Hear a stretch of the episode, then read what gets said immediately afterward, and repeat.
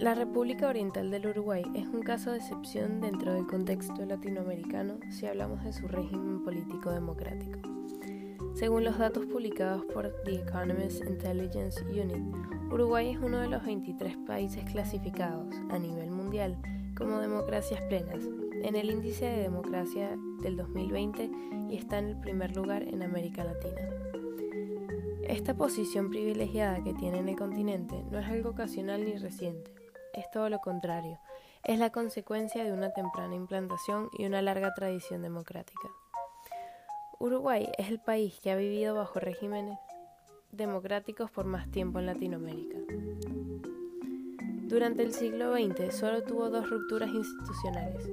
Una fue en 1933 y consistió en un golpe civil. En este caso se buscó una reinstitucionalización rápida con reformas legales y constitucionales pero la falta de legitimidad de los dos gobiernos electos en 1934 y 1938 llevaron a que se hiciera efectiva la democracia recién en 1942, con una nueva reforma constitucional.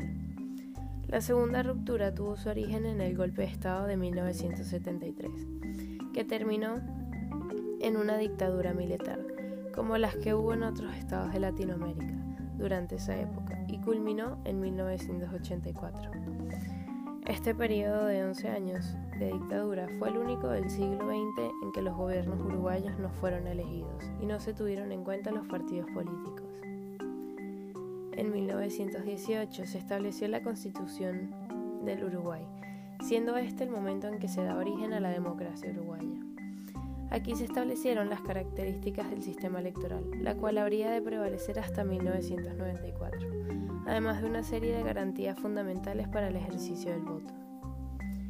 Se podría decir que la democracia en el Uruguay y el sistema electoral nacieron prácticamente juntos, dado que el sistema de partidos o partidos tradicionales es tan antiguo como el país mismo. Dicen incluso que es anterior a la nación. Algunos historiadores hablan de su origen en la batalla de Carpintería en 1836 en este momento surgieron las divisas, cintillos que distinguían a los participantes de cada uno de los bandos, los que existen aún en nuestros días, Partido Colorado y Partido Nacional o Blanco. Una de las principales características de la democracia en Uruguay surge de la revisión histórica de su evolución y de su pacto fundacional. Se trata de una construcción de consenso, un fundamento elemental en la democracia de este país.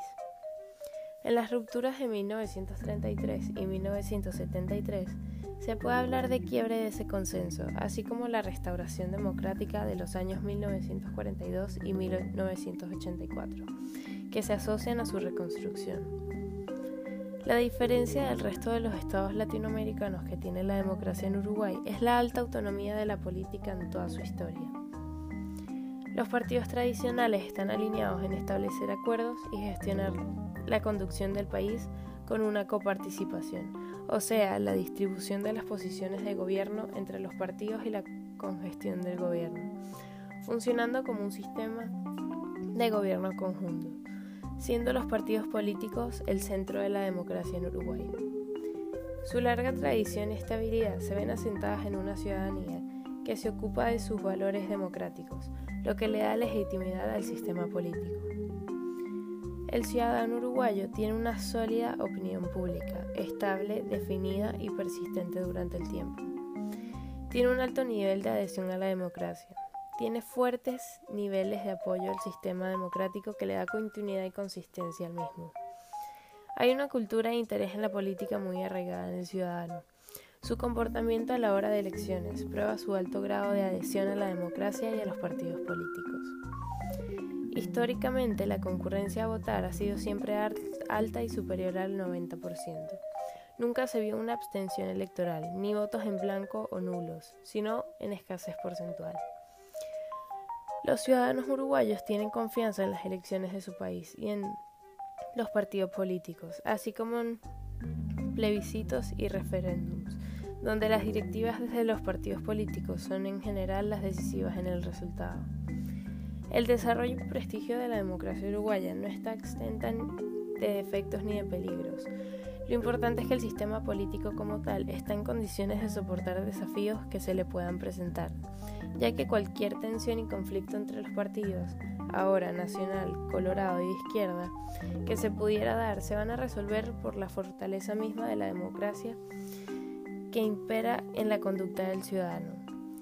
Uruguay tiene un sólido pacto social y apertura económica que apuntan a reducir la, la pobreza y promueve la prosperidad. La medición oficial nos habla de pobreza moderada que descendió el 32,5% en el 2006 al 8,1% en el 2018 y la indigencia prácticamente está desaparecida. Las coberturas de los programas sociales se han ampliado. Por ejemplo, un 90% de la, de la población de más de 65 años está cubierta por el sistema de pensiones, de los más altos de América. El mercado de trabajo marca niveles bajos de desempleo, donde se nota un buen trabajo macroeconómico. A pesar de todo, hay limitaciones, tanto en inversión, en infraestructura, en educación y formación de capacidades pero también la confianza en el gobierno, la escasa corrupción y los consensos, así como el compromiso, le da al Estado un piso firme sobre el cual pueda establecer políticas para resolver las limitaciones actuales. El, el marco macroeconómico sigue siendo el adecuado. Ahora Uruguay tiene que también lidiar con un entorno externo bien complicado.